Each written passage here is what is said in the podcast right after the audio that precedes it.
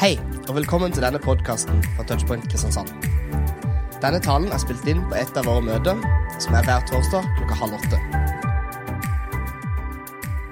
Vi er midt inne i en serie som dere så her, 'Jesus er'. Og litt av det som er greia her, er at når du undersøker hva tror jeg på, eller hva skal jeg tro på, så må du jo finne litt ut av hva det går i. F.eks.: Hvem var det som grunnla det? Hva er budskapet? Hvordan var livet til den eller de som grunnla dette her? Hva sa andre om de? Hva sa de sjøl? Og hva er sporene etter de? Det er sånne ting som kan være lurt å finne ut av. Og så kan du av og til ha hørt en del som ikke stemmer med virkeligheten. Heldigvis har vi en president som er veldig god på å fortelle at det fins noe som heter fake news. Og han oppfant de. Eh, kanskje ikke. Men, eh, men det fins faktisk litt feil informasjon. Og i denne serien her så ser vi OK, vi tror på Jesus. Men hvem sier Jesus at han er? Nå har Gina sagt veldig mye hva mor hennes kan ha sagt at jeg er. Jeg tror ikke det stemmer på en prikk, men eh, hvem sier Jesus han er? Og, og stemmer egentlig det? Og, og, min oppfordring til deg hvis du er på trosak, grav dypt. Finn ut. Finn ut, For Jesus han skiller seg enormt ut. Og Vi har sett på veldig mange forskjellige temaer. I dag så er temaet at Jesus er den gode hyrde. Og I den nye oversettelsen, for vi fikk en ny bibel i 2011, der skriver de ikke hyrde lenger. De skriver gjeter. For mange vet ikke hva hurde er, men de vet hva en gjeter er. Men det går på det samme. Og Vi skal da lese fra Johannes kapittel 10 i sammen. Der står det 'Jeg er den gode gjeteren'. Dette er Jesus som sier det. Den gode gjeteren gir livet sitt for sauene, men den som er en leiekar og ikke en gjeter, og som sjøl ikke eier sauene, han forlater de og flykter når han ser ulven komme. Og ulven kaster seg over de og sprer flokken. For han er bare en leiekar, og han har ingen omsorg for sauene. Men jeg er den gode gjeteren, eller jeg er den gode hyrde. Jeg kjenner mine, og mine kjenner meg. Slik som far kjenner meg, det er Gud, og jeg kjenner far. Jeg gir livet for sauene. Det er teksten. Og Jesus sier flere ganger her 'Jeg er den gode gjeteren'. Jeg fortalte dette for noen år siden eh, på Touchpoint, men eh, på Finnøy, det er ei øy utenfor Stavanger, der er det en haug med sauer. Og En av disse sauebondene han var da søndagsskolelærer. Og Det står eh, i annet, en annen bok i Bibelen om at det var en gjeter som hadde 100 sauer, og så var det én som hadde gått seg bort. Og så forlot gjeteren de 99, og så lette han etter den ene til han fant ham. Og så sa han, og det er et bilde på Gud, at han er alltid på jakt etter den som har gått seg bort. Han er ikke bare fornøyd med de andre, men han bryr seg hele tida. Og for at dette skulle bli nært og personlig og relaterbart for disse som var på fem og seks år gamle, så fant han ut at han måtte bruke gården sin som eksempel. Så han begynner å fortelle ja, dere vet det, at jeg har jo en haug med sauer. Jeg har så mange sauer. Det er på fjos om vinteren. På, på, sommeren så går de på beitene, og så roper jeg på dem. Og så er det en femåring som rekker opp hånda der. Og så sier ja, hva er det? Du, det var ikke det vi kom for å høre. så på Finnøy der er de veldig seriøse, veldig tydelige. Det er Jesus, ikke bondegården din. Men det er Jesus som sier det. Jeg er den gode hyrden.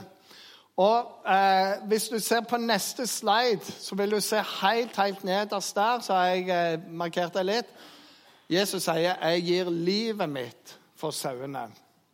Da er du rimelig god hyrde. Gjennom Bibelen, for det meste av bibelsk historie er skrevet i et jordbrukssamfunn, så finner du masse sånne gjetereksempler. Og en av dem er en sauegutt som heter David. Han var den yngste av åtte søsken. Det er sånn cirka sånn som det er på Jæren nå den dag i dag. Alle får åtte unger fordi vi er så glade i, produksjon. Og så um, Anyway, så der er han yngst, og han gjeter sauene. Og så får vi litt nuss i hvordan han gjorde. For at når han var med sauene, da oppøvde han seg som musiker. Og satt der og spilte på harpa, fløyte, all slags sånn. Men han hadde òg et stort ansvar, og det var å holde løve og bjørn og andre villdyr borte. Og til det så hadde han en stokk og en kjepp, og han hadde ei slynge som han drev på med. Og En dag så er det krig. Det var det veldig ofte der. En, en sport de hadde. Alltid krig. På, det, på den tiden av året da det pleide å være krig, så, eh, så er det igjen krig. Og det er Israel på ene sida, filisterne på andre sida. Og så kommer det en sinnssykt svær mann som heter Goliat. De regner med han var ca. 2,40 høy. Og han var bare enormt stor. Og han håner alle og sier, 'Kom og kjemp mot meg.' Hvis du vinner over meg, så skal vi tjene dere. Men vinner jeg, så skal dere være våre tjenere. Og så hånte han dem. Folk ble livredde. En dag kommer David opp, for at han kommer med mat til brødrene sine. Og så får han høre det, og så får han høre noe annet òg. Den som våger å kjempe mot den mannen der og klarer å vinne over ham, han skal få så mye penger. Og han skal få lov å gifte seg med kongens datter. Og hun var pen. For det står om faren at han var ett hode høyere og penere enn alle menn i hele landet. Han var bra, og dattera hadde arvet faren. Så David han var yes. Så han går til kongen og sier jeg skal. Det er en sånn liten, kanskje 15-16 år. Jeg skal ta han der han er. Det er sant at jeg får dattera di. Og så sier jeg, 'Hvem er du?' liksom? Du er jo bare en liten gjeter. Så sier jeg, 'Nei, nå skal du høre det.' At når jeg har vært der, så har det kommet løve. Jeg har måttet kjempe bare med nevene mine og det jeg hadde. Og det kom bjørn. Og det var ikke eh, bjørnen som jakte meg, det var jeg som jakte bjørnen. Så han der, han skal jeg ta meg. Jeg skal skikkelig ta han der. Og det blir bare sånn wow. En gjeter har et ansvar. Og Hvis du noen gang har lest litt om eh, vikinghistorie og sånn, så vet du at det var gjerne treller som hadde ansvar for dem. Sovna du på post, og bjørnen kom, eller de stakk av gårde, og, og andre tok dem, så ble du prylt så mye at du ikke kunne gå på et par uker. Du har et ansvar for de sauene. Men David han vokta sauene med livet sitt. Og så vinner han en seier over Goliat. En helt annen historie. I en av disse store brannene som har herja i USA, så kommer de til en gård. Alt er brent ned. Absolutt alt. Og så ser de ute der er det ei forkulla høne som ligger bare ute på gårdsplassen. Og så går de bort Alt er jo bare elendig. Og så sparker de bort til den høna. Og så ut av under vingen så kommer det en haug av kyllinger som har overlevd. Og Det høna har gjort, hun har bare lagt vingene sine rundt og håpet at det skulle berge sine barn. Og det gjorde det. Hun bøta med livet for at de skulle leve. Og Jesus sier dette. Jeg gir mitt liv for sauene. Og så kan du spørre ja, leverte Jesus på det, da? For det er lett å si noe, det er lett å love noe. Det er jo dette vi tror på. At Jesus, han i en alder av ca. 33 år så gir han livet sitt for oss. Fordi den gode hyrde ofrer seg sånn at eh, sauene skal overleve. Og han fridde oss ut fra noe mer enn løve og bjørn. Eh, det vi nå skal eh, se, det er en liten film. For det står litt før i teksten at sauene kjenner hyrden, og hyrden kjenner de. Og de, skal, de hører røsten, og dermed så kjenner de han igjen. Så la oss se på dette her. Det er et forsøk som ble gjort.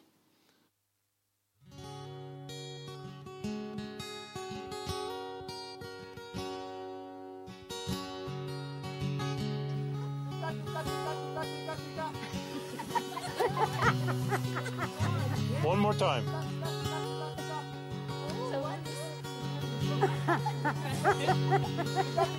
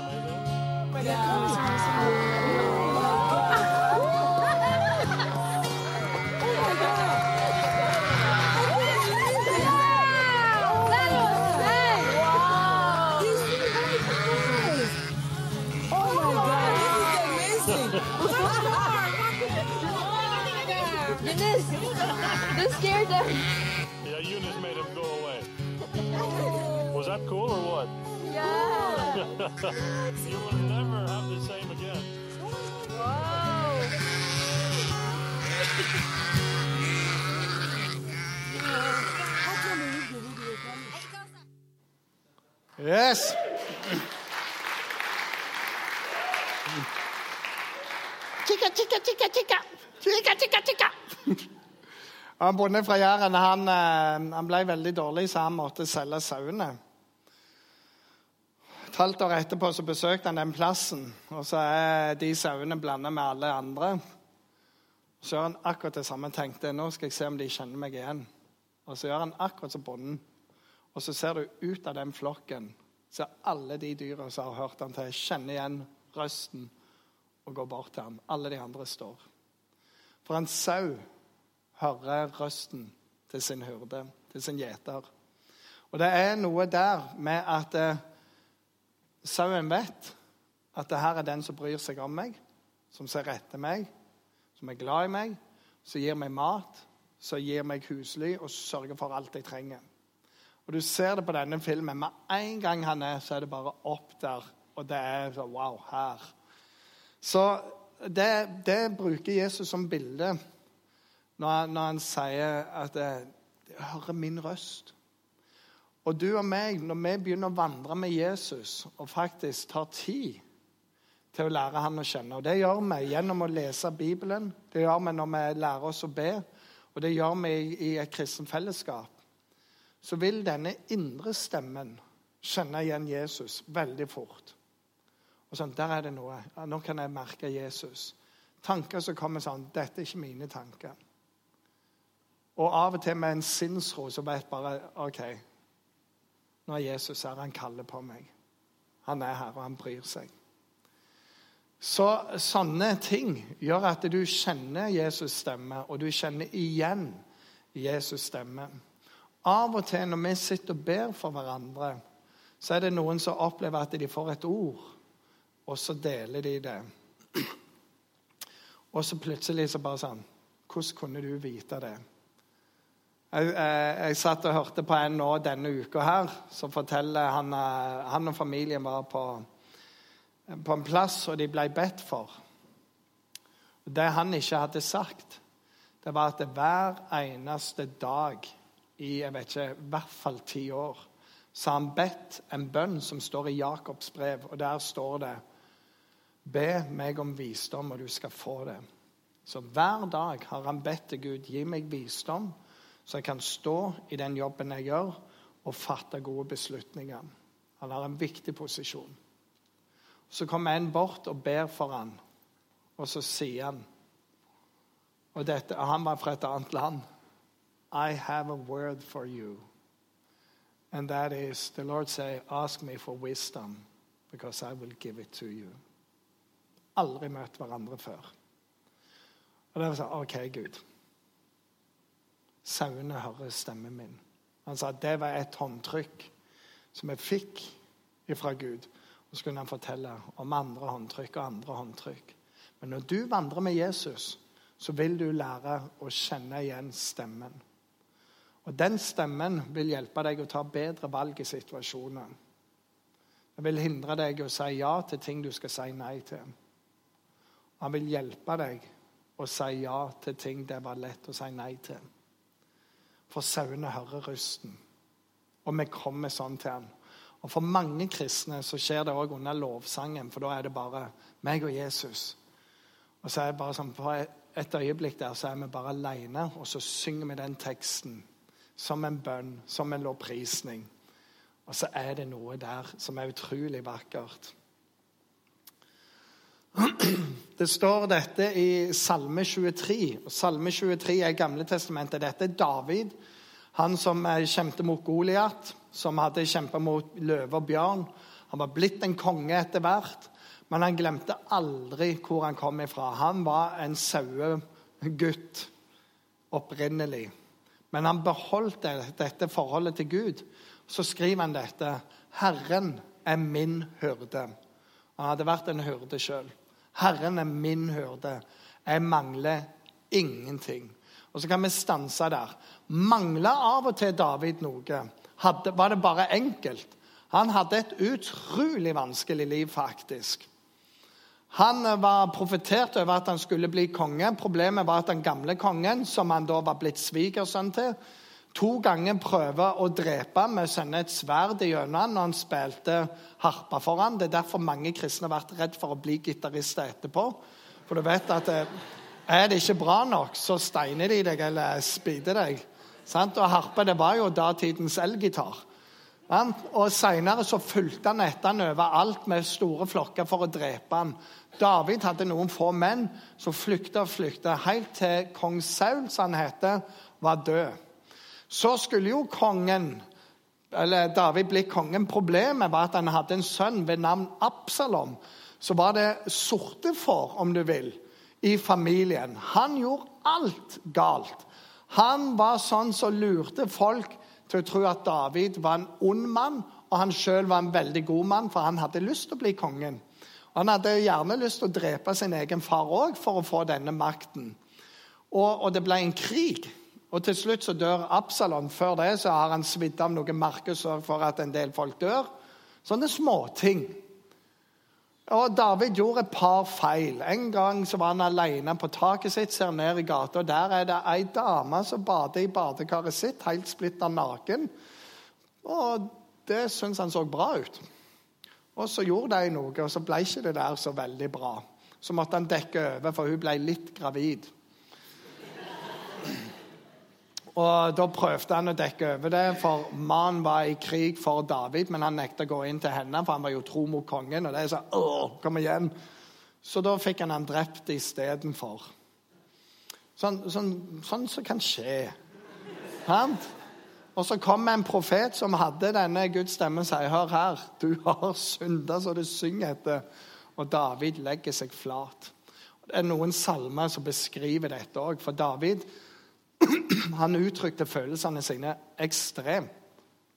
Så Salme 51 blant annet, er en av de salmene der du får se hva skjer når du holder igjen på synd, og hva skjer når du bare øser ut det du har gjort galt for Herren. For det er òg noe av det som er godt med å være kristen. Du kan komme til Gud med alt, akkurat sånn som det er. Og vil du, så har han tilgivelse for deg. Og så renser han deg. Og så skriver han jeg mangler ingenting, eller ikke noe, som det står her i det nye. På tross av alt dette så kan en bare sånn, for det er noe som er dypere. Jeg mangler ingenting når jeg har Herren, for han passer på meg. Så står det videre Han lar meg ligge i grønne enger, og han leder meg til vann der jeg finner hvile. Og Det var noe av hyrdens eh, jobb. Det var å lede flokken videre, sånn at jeg alltid hadde mat, alltid hadde drikke sånn at de kunne ha det godt. Og Det er det han skriver i dette verset. Videre. Han gir meg nytt liv. Han fører meg på rettferdighetsstier for sitt navns skyld. Gud er hellig. Han vil at vi skal leve et hellig liv. Og Det handler ikke om å strebe etter, det handler om å få lov å lande en plass i et kongedømme og si du er min datter og du er min sønn, og du er skapt til verdighet. Han lar meg vandre på rettferdighetsstier for sitt navns skyld. Videre så står det om jeg skulle vandre i dødsskyggens dal. Altså om jeg skulle være en plass der det er ikke godt her. Jeg har det vanskelig for tida. Jeg har store prøvelser. Jeg ber, men jeg får ikke svar. Jeg syns livet er vanskelig. Jeg syns bare alt går imot. Det er bare helt tåke her. Så om jeg vandrer i den dødsskyggens dal, så frykter jeg ikke noe vondt. For du er med meg, og din skjepp og din stav, de trøster meg. Og For en gjeter så hadde han disse to tingene. Skjeppen den jakte han dyret med. Det var det den var lagd for. Og bare kom deg vekk. Det var løve, bjørn og ulv alltid sammen. Staven, det var hyrdestaven. Og du har kanskje sett på noen sånne juleforestillinger, der står de med en sånn lang krok. Den brukte de. Veldig fint med krok her. Men den brukte de til å ta sauene inn med. Og når de gjorde det, så kunne de se på seg og holde ham fast. Og Av og til så måtte de unna han òg, bare holde ham fast ned så de ikke kunne gå. Og da går gjeteren over og ser er det sår her, og, og sørger for at det, sauen holder seg i ro helt til han får stelt såra, forbinder det som er galt, sånn at sauen skal ha et best mulig liv videre. Men det blir òg den samtalen du får en, en sau til en bonde. Det er veldig bra. Bær til. Sant? Og så står han der. Én og én og én sau. Ikke et samlebånd. Og det står dette en annen plass. Jeg har kalt deg med navn. Du er min, sier Gud. Og det er det du gjør med hver sau under her. Jeg sjekker deg. Jeg sjekker ikke flokken, jeg sjekker deg nå. Og etterpå jeg sjekker deg. Du har et navn, du har en betydning. Og Det er dette bildet som, som er videre her. Og så står det du dekker bord for meg like foran øynene på mine fiender. Du salver mitt hode med olje, og mitt beger det bare renner over. Og Så er det masse inni det her. Men bare å, å lese det, det betyr han sørger for deg i alle omstendigheter. Og det som noen av oss av og til merker midt i det når fiender Det kan være mye, men det er vanskelig. Så er det alltid et dyp i nærheten av Jesus. Det er alltid ei kilde som går dypere. Engelskmennene skiller mellom joy og happiness. Happiness det er når vi forteller en vits, noe er morsomt, eller svigermor snubler og bare får et eller annet sånt. Sant? Det er veldig morsomt. Joy det er noe som det bare ligger der. På tross av omstendighetene så er det noe som er en kilde av liv. Når vi begraver noen av våre kjære som er kristne, så sier vi 'på gjensyn'. Og, og det er et uttrykk som sier de er forfremma til herlighet. De går foran. Vi har sorg, vi har mista noen vi er glad i, men vi vet dette er ikke slutten. Vi skal ses igjen i himmelen sammen med den store hyrden som samler flokken til seg. Og Derfor blir det alltid en sånn rar stemning med latter og gråt, med savn og håp. Du dekker bord for meg like foran øynene på mine fiender, og mitt beger renner over. Og så sier han bare godhet og miskunn skal følge meg i alle mine dager. Og jeg skal bo i Herrens hus gjennom alle tider. Og Det er noe med denne grunntonen. Det betyr ikke at du ikke har det vanskelig. David hadde det rimelig tøft gjennom livet. Men midt oppi det så er han så rolig. For han sier 'Herren er min hyrde'. Og Jesus kom i Nytestamentet og så sier han 'Jeg er den hyrden'. Jeg er den gode hyrden. Jeg er det han snakker om. Og så er det det, da Hvordan er ting i dag? En ting er at vi har Jesus, og han vil alltid være den gode hyrde. Samtidig så har han gitt det oppdraget videre med å være gode hyrde. Peter, som var den beste kameraten Jesus hadde, var tettest på han. Johannes mener det var han som var den beste. Peter vil krangle på det. Og Uansett så ble Peter den store lederen etterpå. Han gjorde noen brølere i forhold til Jesus. Han fornekta han, han bante og steikte på at han aldri kjente Jesus når Jesus føres vekk for å dø for oss. For den gode hyrde gir sitt liv. Når han står opp igjen, så møter Jesus hele gjengen, og så tar han Peter til sides. Og Det kan godt være at Peter tenker nå får jeg høre det. Men alt han gjør, er å stille han et spørsmål. Peter, elsker du meg mer enn alle disse andre her? Og hele ordlyden er sånn at du kan ikke si om det Jesus mente, 'Elsker du meg mer enn deg?' Eller 'Elsker du meg mer enn de elsker meg?' Det bare ligger der, og det er umulig å skille. Men sier, 'Elsker du meg mer enn de andre her?' Peter er jo ikke frimodig. Som tenker inni seg Jeg bante og steite på at jeg ikke kjente det for tre dager siden. her, Så, så han våger ikke helt sånn 'Elsker du meg?' Det blir litt sånn tøft. Han sa ja, du vet, eh, du vet jeg har deg kjær.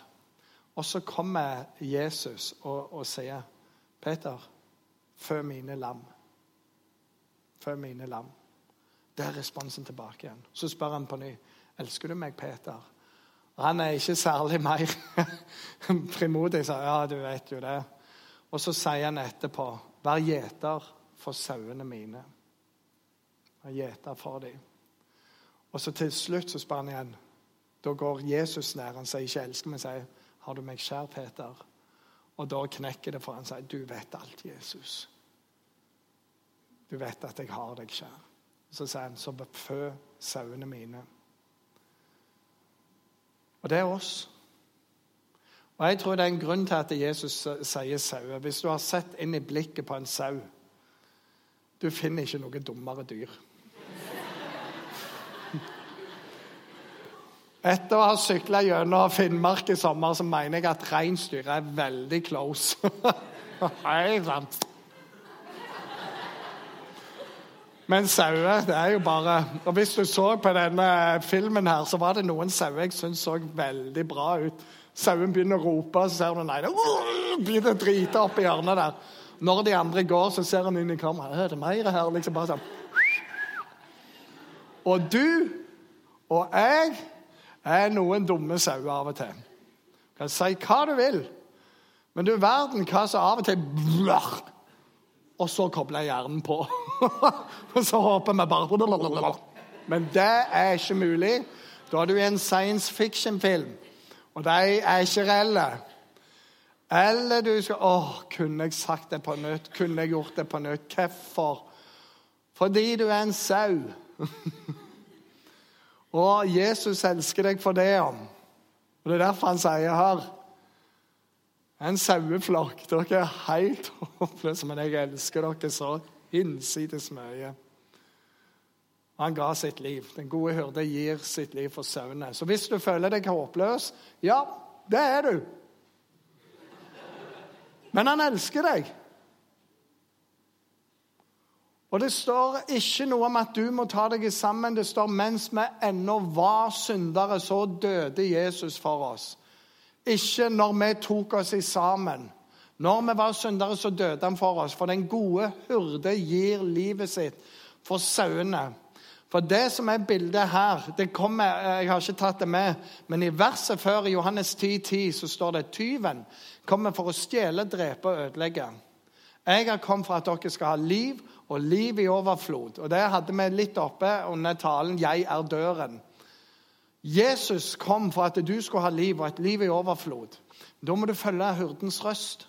Da må du gå der han går, for han vil lede deg til beite der du finner gress, og du finner vann og du finner hvile.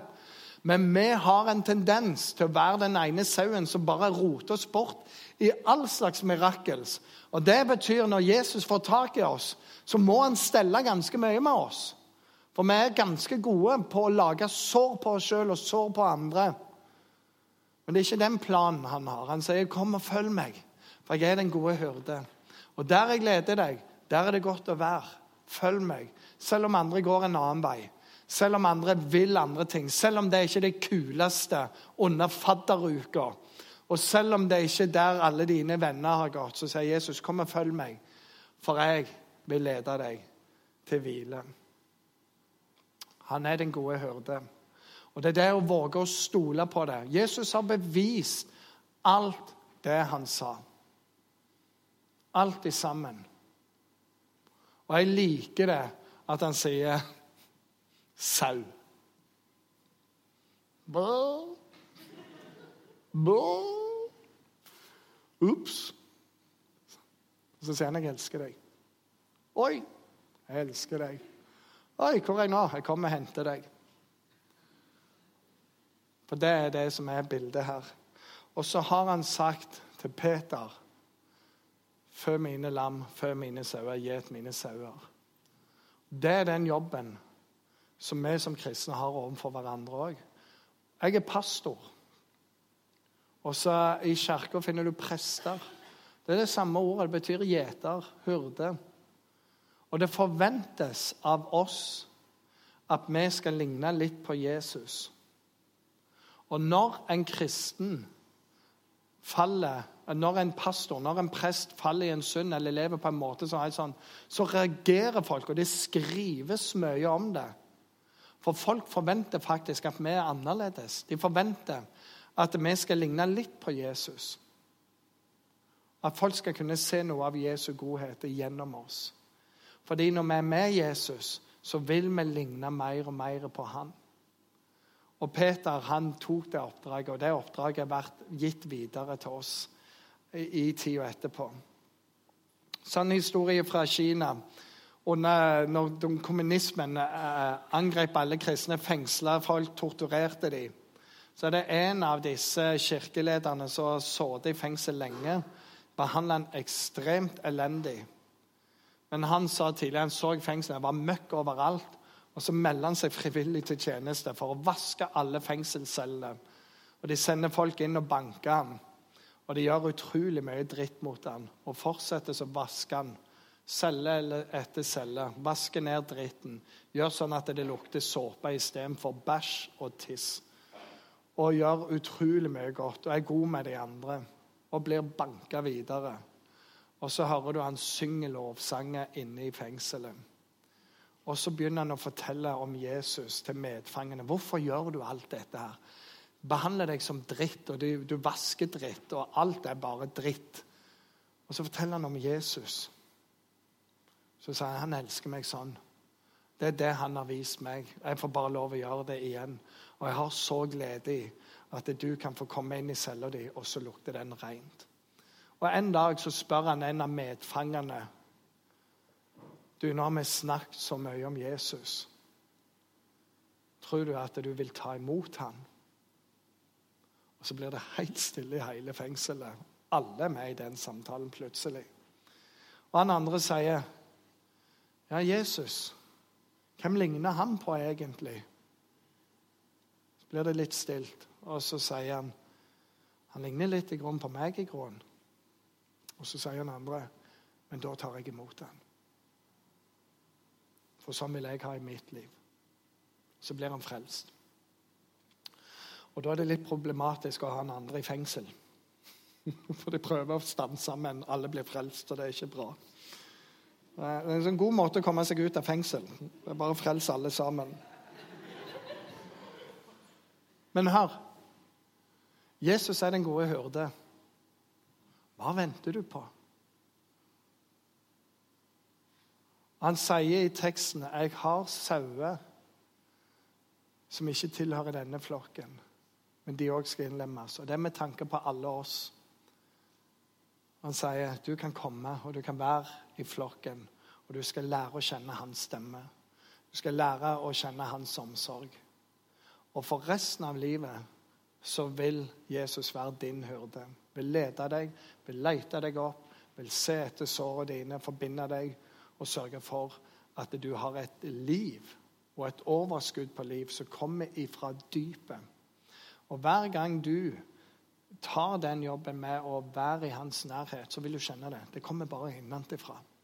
Det er en kilde som er der, som Gud har gitt i hans ord, i hans fellesskap. Og Det er du kalt til å ha. Og du kan få det i kveld. Hvis du ikke har vært en kristen før, så kan du si jeg vil ha det. Jesus er den gode hyrde. Jeg har ikke funnet noe bedre enn Jesus. Så er det noen kristne som lever som om Jesus ikke var hyrden. Hører på alle andres stemmer. Du tar alle andre valg. Hvor lenge skal du holde på med det? Blei det så bra som du tenkte at det skulle bli? Eller gjorde det ikke det, hvis du er ærlig med deg sjøl? Jesus sier det helt til slutt i Bibelen òg. Om noen hører min røst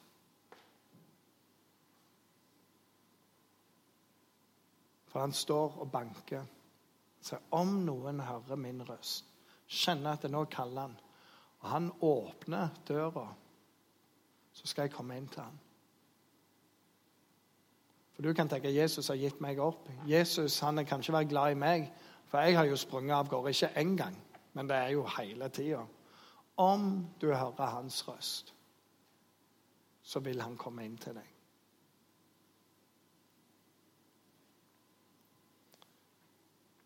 Du finner ikke en bedre deal enn dette. Mange av oss har erfart det. Det kan være din erfaring òg. Skal vi be? Og så mens vi ber, så kommer jeg òg til å gi en utfordring. Men vi ber, og så kan vi se ned. Himmelske Far, jeg takker deg for dette. At du sendte Jesus til oss. Og når Jesus var her på jorda, så sier han så mye om seg sjøl, og så leverer han på det òg. Og jeg takker deg, Jesus, for at du sa 'Jeg er den gode hyrde. Jeg er den gode gjeter'. Sauene skal kjenne min røst. Og det kan vi bevitne, Herren. Jo lenger vi vandrer med deg, jo mer gjenkjenner vi din røst. Og det er en hellig røst som kaller oss til renhet. Som kaller oss til der du vil vi skal være. Og der er det grønne enger. Der er det levende vann. Der er det hvile å få. Og Jeg takker deg for du er en hyrde som forlater flokken som har det trygt, for å lete opp den ene. For å finne alle, sånn at flokken kan være heil. Og Jeg takker deg for du er hurden som har en kjepp, som jager vekk det som prøver å stjele, myrde og ødelegge hos oss. Du har en stav som forbinder våre sår, som kaller oss ved navn, som er helt personlig. Og så vil jeg bare, mens vi er i bønn, spørre og Folk ser ned, eller folk lukker inne. Hvis du ikke har tatt imot Jesus, men vet du hva, i kveld så er jeg min kveld, jeg vil ta imot han, så rekker du opp ei hånd, og that's it. Skal jeg bare be en enkel bønn hvis du er her?